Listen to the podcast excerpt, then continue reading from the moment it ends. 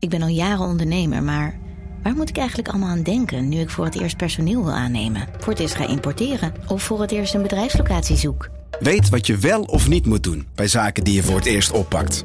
Check kvk.nl voor praktische stappenplannen. KVK, hou vast voor ondernemers. Een goed verhaal begint bij Bruna. Want bij Bruna zijn we dol op boeken en verhalen. Verhalen zoals deze. De slagen van de noodklok dreunen over het dorp. Zwaar en dreigend. Ze overstemmen de gemoedelijke drukte op de markt. En alle handelingen vallen stil. Wat zou er aan de hand zijn? vraagt Oda ongerust. Wil jij weten hoe dit afloopt? Je leest het in Bloedlijn van Simone van der Vlucht. Nu bij Bruna. Richard K. vermoorde afgelopen dinsdagochtend Ineke en haar man Sam. Ouders van twee kinderen. Het gebeurde allemaal in Wijteveen. En direct na zijn daad vertelde hij erover op Facebook. En dat filmpje ging viraal. Je luistert naar Radio Ramkraak, de wekelijkse misdaadpodcast van Leeuwarden Courant en Dagblad van het Noorden. Iedere week praten de misdaadverslaggevers van deze krant hierbij over misdaad in Noord-Nederland. Mijn naam is Jeroen Kelderman en deze week praat ik met verslaggever Willem Dekker en Sander Dekker. Geen familie van elkaar, maar werken wel allebei voor Dagblad van het Noorden. Willem Dekker, die zit in Assen en Sander Dekker in Meppel. De ontwikkelingen in uh, deze zaak die volgen elkaar uh, in hoog tempo op. Daarom lukt het niet om iedereen op dezelfde tijd op dezelfde plek te krijgen. Ik wilde voor mezelf toch even op de plek kijken in Wijteveen. Uh, waar het allemaal gebeurd is. Om er een beetje een gevoel bij te krijgen. En ook even te zien waar heb ik het nou eigenlijk over.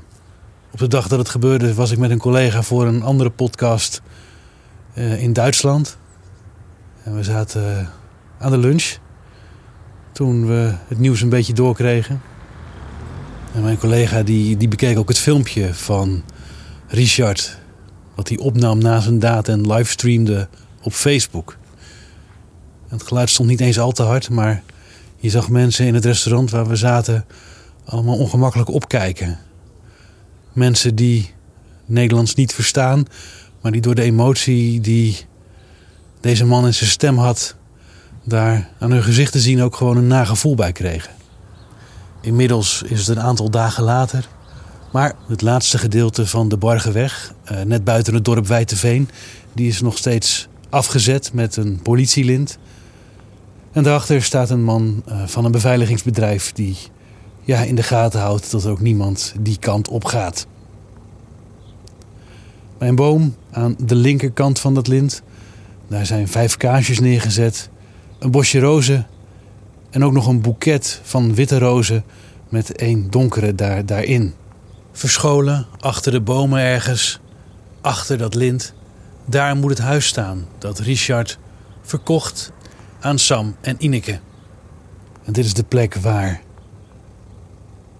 een deel van het drama zich voltrok. Want collega Willem Dekker die vertelde me net aan de telefoon dat een paar honderd meter verder Richard Ineke heeft klem gereden en daar om het leven heeft gebracht.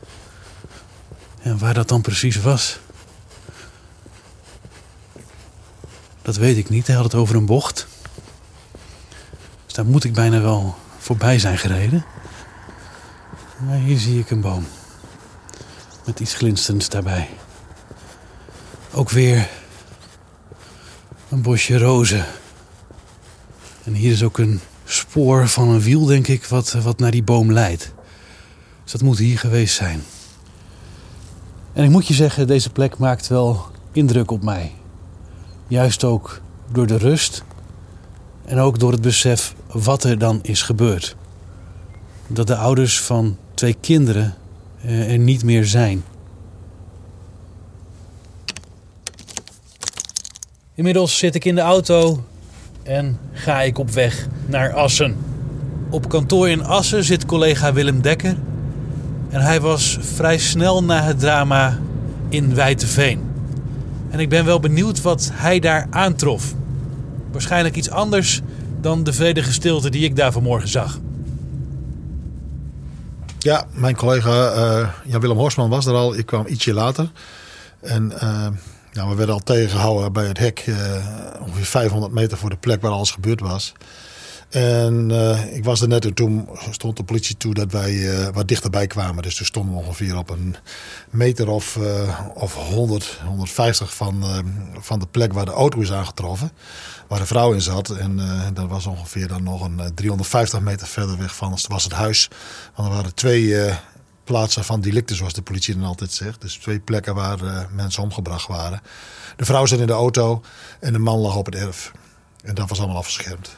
Was er een hoop paniek of hoe was dat? Nou, het was wel een komen en gaan van, van auto's, van forensische recherche. En uh, kijk, uh, toen wij er kwamen, ja, wij staan achter het lint. Hè, en we mochten als media, mag je dan iets dichterbij voor opnames te maken. Maar goed, uh, zoveel informatie hadden we ook niet. Dus wij waren echt niet in paniek. Maar we kregen al vrij snel door dat het vrij ernstig was hoor. We hadden, als je met mensen in de omgeving praatte, hadden we het bijna het hele verhaal al rond. Alleen je had, had de zekerheid niet. Nou, dat kwam pas later in de morgen toen de politie eh, de namen vrijgaf en zei dat er twee slachtoffers waren en, eh, en een verdachte was aangehouden. Wanneer kwamen die filmpjes bovendrijven eigenlijk? Die verschrikkelijke filmpjes? Nou, dat was op het moment dat wij achter het, uh, achter het lint stonden. En uh, nou, we kregen ze allemaal op onze telefoon binnen. En uh, we hadden natuurlijk al gauw een groepje gevormd die zich hiermee zou gaan bezighouden. En daar werd het volop in gedeeld. En we schrokken ons dood toen we dat zagen, want dat hadden we nog nooit meegemaakt. Ik, ik heb al meerdere moordzaken meegemaakt. Maar uh, dit heb ik nog nooit gezien. Dat mensen hun eigen daden, of uh, vlak na, na, de, na, ja, na de daden die ze gepleegd hebben, een, een filmpje online streamen. Dat was wel heel bijzonder. En ook erg bijzonder was dat, dat de man het eerst deed, zeg maar de, de verdachte. En daarna de vrouw van de verdachte ook nog vanuit de auto een filmpje streamde. Heel erg emotioneel allemaal wat er te zien was. Want wat is er nou gebeurd? Wat is het beeld wat jij hebt van wat daar zich heeft afgespeeld? Nou, wat zich heeft afgespeeld uh, is dat uh, de man in de vroege morgen naar zijn, ik denk naar zijn ponies ging. Die, uh, hij had de woning verkocht aan de mensen, waar het, aan de slachtoffers. En hij had een geschil van mening over gebreken aan een woning. Maar hij had nog wel een weilandje aangehouden daar tegenover. Dan had hij de ponies lopen. En daar moest hij, nou ja, het was winterweer, dus het, was, het sneeuwde en het was glad. Dus die beesten moesten verzorgd worden. Dus hij was daar wel vrijwel elke dag, afgelopen dagen, was hij daar. En de twee die hadden oneenigheid gekregen. Dus het echtpaar en de verdachte die hadden oneenigheid gekregen over de verkoop van de woning. Omdat er gebreken waren. Nou, dat heeft, dat heeft geleid tot allerlei bedreigingen. Ja, dat is geëscaleerd. En er zou zondagavond eh, zou er ook een meningsverschil tussen de twee zijn geweest. Uh, tussen de man, dus tussen de man, die, dus een Sam zeg maar, die is omgebracht. En tussen Richard K. En uh, ja, misschien heeft dat ertoe geleid dat, het, uh, dat hij, uh, dat hij s morgens vroeg naar het huis is gereden. Het verhaal wil, zoals we nu een beeld hebben, dat hij de vrouw heeft klem gereden. Op weg die net haar dochtertje naar school had gebracht, naar de basisschool in Wijterveen. Op de terugweg, ongeveer 250 meter voor het huis, stond die auto tegen de boom. Dus waarschijnlijk heeft hij dat gedaan. Hij heeft haar, uh, heeft hij haar tegen de boom gedrukt. En daar heeft hij haar, daar heeft hij haar omgebracht. En naar, naar wij weten met, met, met pistoolschoten. Vervolgens is hij naar het huis gegaan van de, waar ze, zijn ouderlijk huis, zeg maar, waar, die, waar, de, waar de man nog eh, was. En daar de deur open gedaan. Het huis wat hij had verkocht aan deze mensen? Ja, precies. Het huis waar dus deze mensen woonden. En uh, daar was de man thuis, maar ook het, uh, ook het zoontje van het echtpaar. En daar deed de deur open. En uh, vervolgens kwam de man. En die, voor zover wij hebben kunnen nagaan, is hij, is hij neergestoken. Daar. En is naar buiten gestrompt en oprit in elkaar gezakt. En vervolgens is heeft eh, Richard eh, K. Heeft daar, eh, heeft toen hij terugliep, heeft hij een, een filmpje opgenomen. En dat heeft, hij, dat heeft hij live gestreamd, net voor het moment dat hij werd aangehouden. En daar zijn ook beelden van, van die aanhoudingen. Dat zie je dus een, dat, ja, dat zie je ook. Dat, dat moet daartussen geweest zijn. Dat kan niet. Tussen die aanhouding en het moment dat hij gedaan, dat gedaan heeft.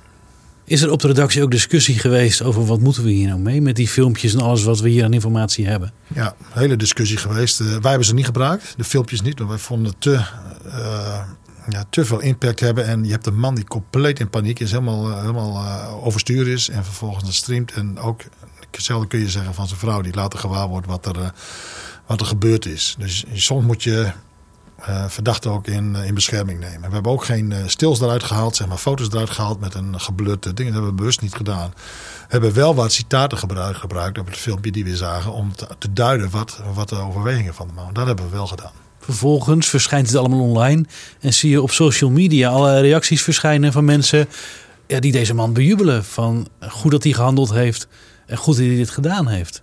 Daar schrok ik persoonlijk heel erg van. Want die man heeft wel net twee ouders van een gezin om het leven gebracht. Ja, dat klopt. Dat klopt. Kijk, in het dorp Wijtenveen was al bekend dat, uh, dat de beide partijen een geschil hadden. En en hij, hij is geboren en getogen in het dorp. Hij is geboren, hij is geboren en getogen in, de, in die woning. En uh, in januari vorig jaar uh, is, die, is die verkoop rondgekomen. Ze kennen dus de Poolse, de Poolse man, want een Poolse man en zijn Nederlandse vrouw. Die kennen ze niet zo goed, want die wonen net een jaar. Die waren ook wat teruggetrokken, zijn ze. Maar ze kennen de dader, Richard K. wel goed. Die is daar opgegroeid in de buurt. En ze, ze, zeggen allemaal dat het een uh, vriendelijke man was. Maar goed, hij had ook zijn duistere kant. En dat zijn we ook wel tegengekomen bij, bij, bij het onderzoek wat we gedaan hebben verder in het dorp. Hij was boekhouder. En, um, en ja, daar hoorden we ook wel vanuit. Die zeiden dat hij soms ook wel wat opvliegend kon zijn. Vooral verbaal, zeg maar. Maar dit had niemand erachter gezocht. Ja, de man is gewoon doorgedraaid geweest op dat moment. Hebben jullie kunnen achterhalen of enig idee wat nou de druppel is geweest waarom deze man in razernij uitbarstte en dit ging doen? Ja, nou ja, dat is wat ik al zei, dat is, dat is de zondagavond. Voordat het gebeurde, dus dinsdagmorgen is het, uh, is het gebeurd. En zondagavond is er een conflict geweest tussen de twee. En daarbij zou, ik zeg nadrukkelijk zou, de Poolse man een kopstoot hebben gegeven. En, uh, en uh, aan Richard K. Daar is onderling woorden gehad bij, weer bij het weiland, naar het.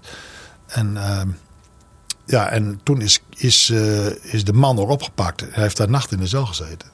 En toen heeft hij gezegd: Jongens, jullie hebben de verkeerde te pakken, want ik vrees nog een keer dat hij ons gaat vermoorden. Nou ja, het was nog geen 24 uur later was het zover. Dat is wel heel triest natuurlijk. Wat hoorde je nog meer over deze Poolse man en zijn Nederlandse vrouw? Ja, ze kwamen uit Velsen Zuid. Hij, had daar, hij, heeft al, hij zit al jaren in de bouw. Hij is 20 jaar geleden naar Nederland gekomen. Zijn broer kwam later. We hebben zijn broer ook gesproken. En, um, en uh, die vertelde dat ze 20 jaar geleden daar hebben gewoon zeg maar, op verschillende plekken in het Westen gewoond. Maar de laatste vestiging was in Velsen Zuid. En hij, had, hij zat in de bouw. Hij had een uh, bedrijf dat kozijnen deed. Hij had een soort klusbedrijf. En had hij hier ook. Dus de man was best. Uh, ja, die was druk aan het werk hier. Nou, verder niet zo heel veel hoor. Als wij mensen spreken, we hebben iemand gesproken. Die had de avond voor, voor de moord nog, nog, via de WhatsApp contact met, met, met Ineke. Dat is de vrouw die is omgebracht. En die zei al dat zij gewoon weer wilde verhuizen. Omdat ze zoveel problemen hadden en ook bedreigd werden. Dat zij niet meer zagen zitten daar. Ze wilde het huis wel goed verkopen. Maar er zou eerst nog een rechtszaak moeten dienen. Die zou dus in februari zijn. En daar, zou, en, en daar hadden ze een beetje een hoop op gevestigd. Maar ze wilde eigenlijk wel weer terug naar het westen. Met gierende banden hebben ze. Hebben ze ja. Willem, dankjewel. En vanuit Assen stap ik weer in de auto richting Meppel naar Sander Dekker. En zoals ik al eerder zei, door drukte en de hectiek lukte het niet om iedereen op dezelfde plek op dezelfde tijd te krijgen. En ook Sander Dekker vindt de zaak Wijteveen behoorlijk bizar. Het is uh, uh, voor Noord-Nederlandse begrippen een, een, hele opvallende, opmerkelijke zaak. niet alleen omdat er twee mensen om zijn gebracht, vermoord. Maar ook die beelden die we allemaal nou ja, hebben kunnen zien. We hebben ze zelf niet gedeeld. Willem heeft daar al wat over gezegd. maar dat zo'n daad zeg maar meteen zo'n beeldvorming met zich meekrijgt. Zoiets zie je niet heel gauw. Hè? Ik zelf denk dan heel gauw, dat is heel Amerikaans. Dat mensen bepaalde daden filmen en zo. Maar je hebt nu echt nou dat mensen meteen eigenlijk reageren naar zoiets. Wij zien dan, uh, collega's en ik, uh, mensen in een rechtbank uh, wel reageren op dingen die ze hebben gedaan. Maar dan ben je echt maanden verder. Dit was meteen, vrijwel meteen na zo'n na zo'n actie heeft die vermeende dader, verdachte zichzelf gefilmd. Ja, dat was heel, heel bijzonder eigenlijk. En je ziet meteen op sociale media allerlei reacties komen van mensen die hem steunen. Mensen die gratie voor hem willen. Er is zelfs een petitie gestart volgens mij. Hoe, hoe, hoe komt dat? Ja, nou, die petitie, uh, daar vraag ik me zeer van af in hoeverre je dat serieus moet nemen. Er zullen altijd uh, mensen zijn die uh, in bepaalde kampen zo erg zitten dat ze dat soort acties ondernemen. Ik geloof niet dat die heel vaak ondertekend is. Maar wel op social media heel gauw echt wel steunbetuigingen. Ook op stukken die wij zelf gedeeld hebben, bijvoorbeeld op social media. Dat mensen daar toch wel een soort van kant kiezen. En zeggen van, ja, Richard K. is een, is een held. We hadden zelf hetzelfde gedaan. hij heeft een hele goede advocaat nodig. Dat soort, dat soort teksten. Ik kan me aan de ene kant natuurlijk voorstellen... omdat je iemand ziet die echt totaal in paniek en wanhopig is... Ehm, maar ja, je ziet ook iemand die eh, misschien ook zomaar wat zegt. Hè? Dat weten we natuurlijk ook niet. Eh, eh, wat duidelijk is, is dat die man zwaar emotioneel is. Maar hij heeft die beelden natuurlijk ook opgenomen nadat hij iets hè, verschrikkelijks misschien wel heeft gedaan. Nou, laten we maar stellen dat hij het gedaan heeft.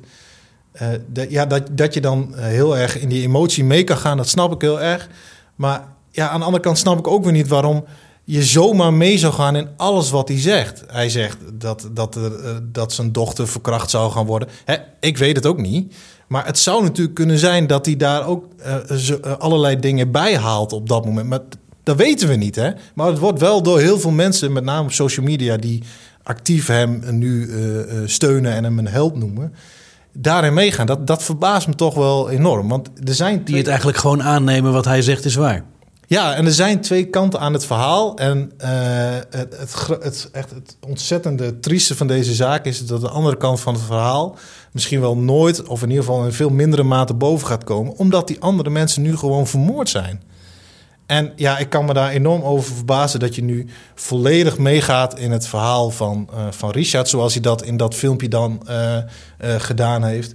Uh, mensen die bijvoorbeeld nu op social media zeggen: dit uh, Richard handelde uit, noodweer, weet je wel. Uh, dan heb je echt geen idee wat noodweer is. er zijn heel veel te toevalligheden ook in deze zaak. Hoe komt hij aan het wapen bijvoorbeeld? hij is daar toch naartoe getrokken met een wapen. Dus daar zit al een soort van planmatigheid in. Maar ook het moment waarop deze aanslag gepleegd is, hè, speculatie neem ik voor mezelf, is exact een jaar nadat die woning verkocht is vind ik uh, uh, heel opvallend. Uh, maar dat maakt nog niet, hoe erg je getreid ook bent, in welke situatie dan ook, dat je over kan gaan tot zoiets. Dat maakt, dit is geen noodweer. Noodweer moet je echt in een situatie komen waarin je niet uit kan zonder dat je geweld gebruikt. In een hele uitzonderlijke situaties kan een rechtbank dan zeggen van nou ja, we ontslaan je van rechtsvervolging zoals dat heet. Dus je krijgt daarvoor geen straf. Maar ja, in dit geval zie ik dat niet gebeuren. De, Richard is gewoon zelf verantwoordelijk voor zijn daden. En je kunt zeker niet zeggen dat uh, die slachtoffers hier in, welke mate dan ook om gevraagd hebben. Sterker nog, ze hebben hiervoor gewaarschuwd, wat wij, wat wij uh, begrepen. Als je dit zo bij elkaar optelt en, en je ziet de reacties op Facebook... Dat niemand je helpt, de politie doet niks, de gemeente doet niks... niemand doet iets. Dus het is logisch, citeer ik, hè, dat Richard dit gedaan heeft. Hoe kijk jij daar tegenaan vanuit jouw perspectief? Nou, voor veel mensen die dat zeggen, hè, dat is ook wel deskundigen die wij daar in de krant over aan het woord hebben gelaten, is dat een soort uh, zichzelf bevestigend beeld. Hè? Mensen hebben al een, een, een gevoel uh, die nou, een beetje aanschuurt tegen het anti-overheid, anti-establishment, zoals je dat noemt. En dat is hier best wel een bevestiging van. Hè? Dat je die man hoort zeggen van we hebben alles eraan gedaan en, niks hielp, dus uh, daardoor ben ik tot deze daad gekomen. Uh, ja, ik, dit, past niet om daar nu al uh, dingen over te zeggen, zeker niet in zo'n mate. we hebben een heel stevig commentaar geschreven, heeft collega Danielle Molenaar gedaan. En gezegd dat reacties over, de na, of over de slachtoffers, met name hè, dat ze het, hen verweten wordt, heel veel verweten wordt, dat dat gewoon respectloos is op dit moment. Je hebt uh, twee mensen die zijn dood, die hebben twee kinderen, die zijn nu wees, die hebben geen ouders meer. Uh, die verdienen op dit moment niets anders dan steun bij het verwerken van hun verlies. Kijk, Richard K. verdient een eerlijk proces, verdient heel veel mededogen in hoe hij misschien tot zijn uh, daad gekomen is. Maar hij verdient zeker geen standbeeld en hij is zeker geen held. Daar, daar, nemen wij als krant echt uh, uh, absoluut afstand van. Maar had dit voorkomen kunnen worden als de politie iets gedaan had, wel had ingegrepen? Ik, ik snap dat het moeilijk is om het nu te zeggen, maar ja. het is wel een vraag die leeft waarvan ik denk. Hoe, hoe kijken wij daar tegenaan? Kijk, ik heb in, in bij verschillende rechtszaken, hè, dit, werd dan uh, wat je dan hoort over dat huis, hè, want daar was heel veel ruzie over. Dat werd dan een, uiteindelijk een civiele rechtszaak. En ik heb bij wel verschillende rechtszaken gezeten, maar waar ook strafzaken uit zijn voortgekomen, is dat, dat er bepaalde ruzies en conflicten kunnen ontstaan die zo giftig worden dat elke kleine strubbeling, elke woordenwisseling het vat verder kan doen overlopen. Dan is er eigenlijk alleen nog maar uh, emotie. En dan weten sommige partijen niet eens meer waarom het überhaupt nog begonnen is. Er is eigenlijk alleen nog maar die haat. En dan is het voor een buitenstaander ontzettend moeilijk om nou precies te bepalen waar wie nou fout heeft gezeten. Dat, is, dat wordt zo complex. En om nou te zeggen dat de politie iets had kunnen doen, ik noem maar wat, een straatverbod, een contactverbod, uh, uh, dwangsommen opleggen. We weten gewoon niet hoe die vork in de steel zit. En het zal allemaal nog uitgezocht moeten worden door politie, door gemeenten, wat ik eerder ook al zei. En ja, dat vergt tijd. En ik snap dat heel veel mensen met vragen zitten. Uh, en we zullen daar waarschijnlijk via misschien wel een, een WO-verzoek, het vroegere WOP-verzoek, kunnen we daar misschien meer informatie over krijgen. Maar ja, we weten gewoon niet genoeg op dit moment om daar iets over, nuttigs over te kunnen zeggen. En we zouden het heel graag willen, hè, dat de politie gefaald heeft en dat het allemaal voorkomen had kunnen worden. Uh, ja, dat, dat, vraag ik me gewoon af. Dat weet ik gewoon niet. Want feit is wel, wat we weten, is dat Sam uh, een nacht vast heeft gezeten na een incident met Richard. Ja, en uh, daar heeft hij ook geroepen: uh, jullie hebben op dit moment de verkeerde, want ik verkeer in gevaar. Uh, Richard gaat mij, gaat mij iets aandoen. Ja, waarom de politie genoeg aanleiding had om daarvoor vast te zetten. daar wil de politie op dit moment nog niet op ingaan, omdat het allemaal onderdeel uitmaakt van dat onderzoek. Hè. Het, is, het, kan enorm complex worden. Ook al heb je het over een jaar, heb je het misschien over een, burenruzie heel plat geslagen, kijk eens naar de rijdende rechter. Hoe sommige zaken daar over iets heel kleins ontzettend uit de hand kunnen lopen. En dan is het zo moeilijk om nog te bepalen wat nou waar begonnen is. En ja, zulke dingen moeten uiteindelijk gewoon goed uitgezocht worden. Maar bottom line is, we hebben nu twee uh, mensen die vermoord zijn. En uh, geen enkel uh, conflict kan daarvoor rechtvaardiging zijn. Dat kan gewoon niet. Dit heeft tijd nodig alles heeft tijd nodig, want we hebben te maken nu met slachtoffers die intens verdriet moeten gaan verwerken. Ook dat heeft tijd nodig. De mensen om Richard heen hebben verschrikkelijke dingen nu, of zijn nu verschrikkelijke dingen aan het meemaken. Uh, vandaag, op het moment dat de podcast uitkomt, gaan we horen hoe justitie naar zijn verdenkingen kijkt. Hij komt voor de rechtercommissaris die dan moet besluiten of hij twee weken lang vast moet blijven zitten. die gaan ook door een hel nu. Echt, het is een cliché in heel veel uh, zaken die hier in Radio Ramkrak voorkomen. Er zijn alleen maar verliezers. Daar houden we het bij. Sander Dekker, dankjewel. Je luisterde naar Radio Ramkraak, de wekelijkse crime podcast van Leeuwarder Courant en Dagblad van het Noorden. Iedere week vertellen de misdaadverslaggevers van deze kranten over misdaad in Noord-Nederland. De muziek die je hoorde, die werd gecomponeerd door Guido Keizer. Mijn naam is Jeroen Kelderman en ik bedank je voor het luisteren.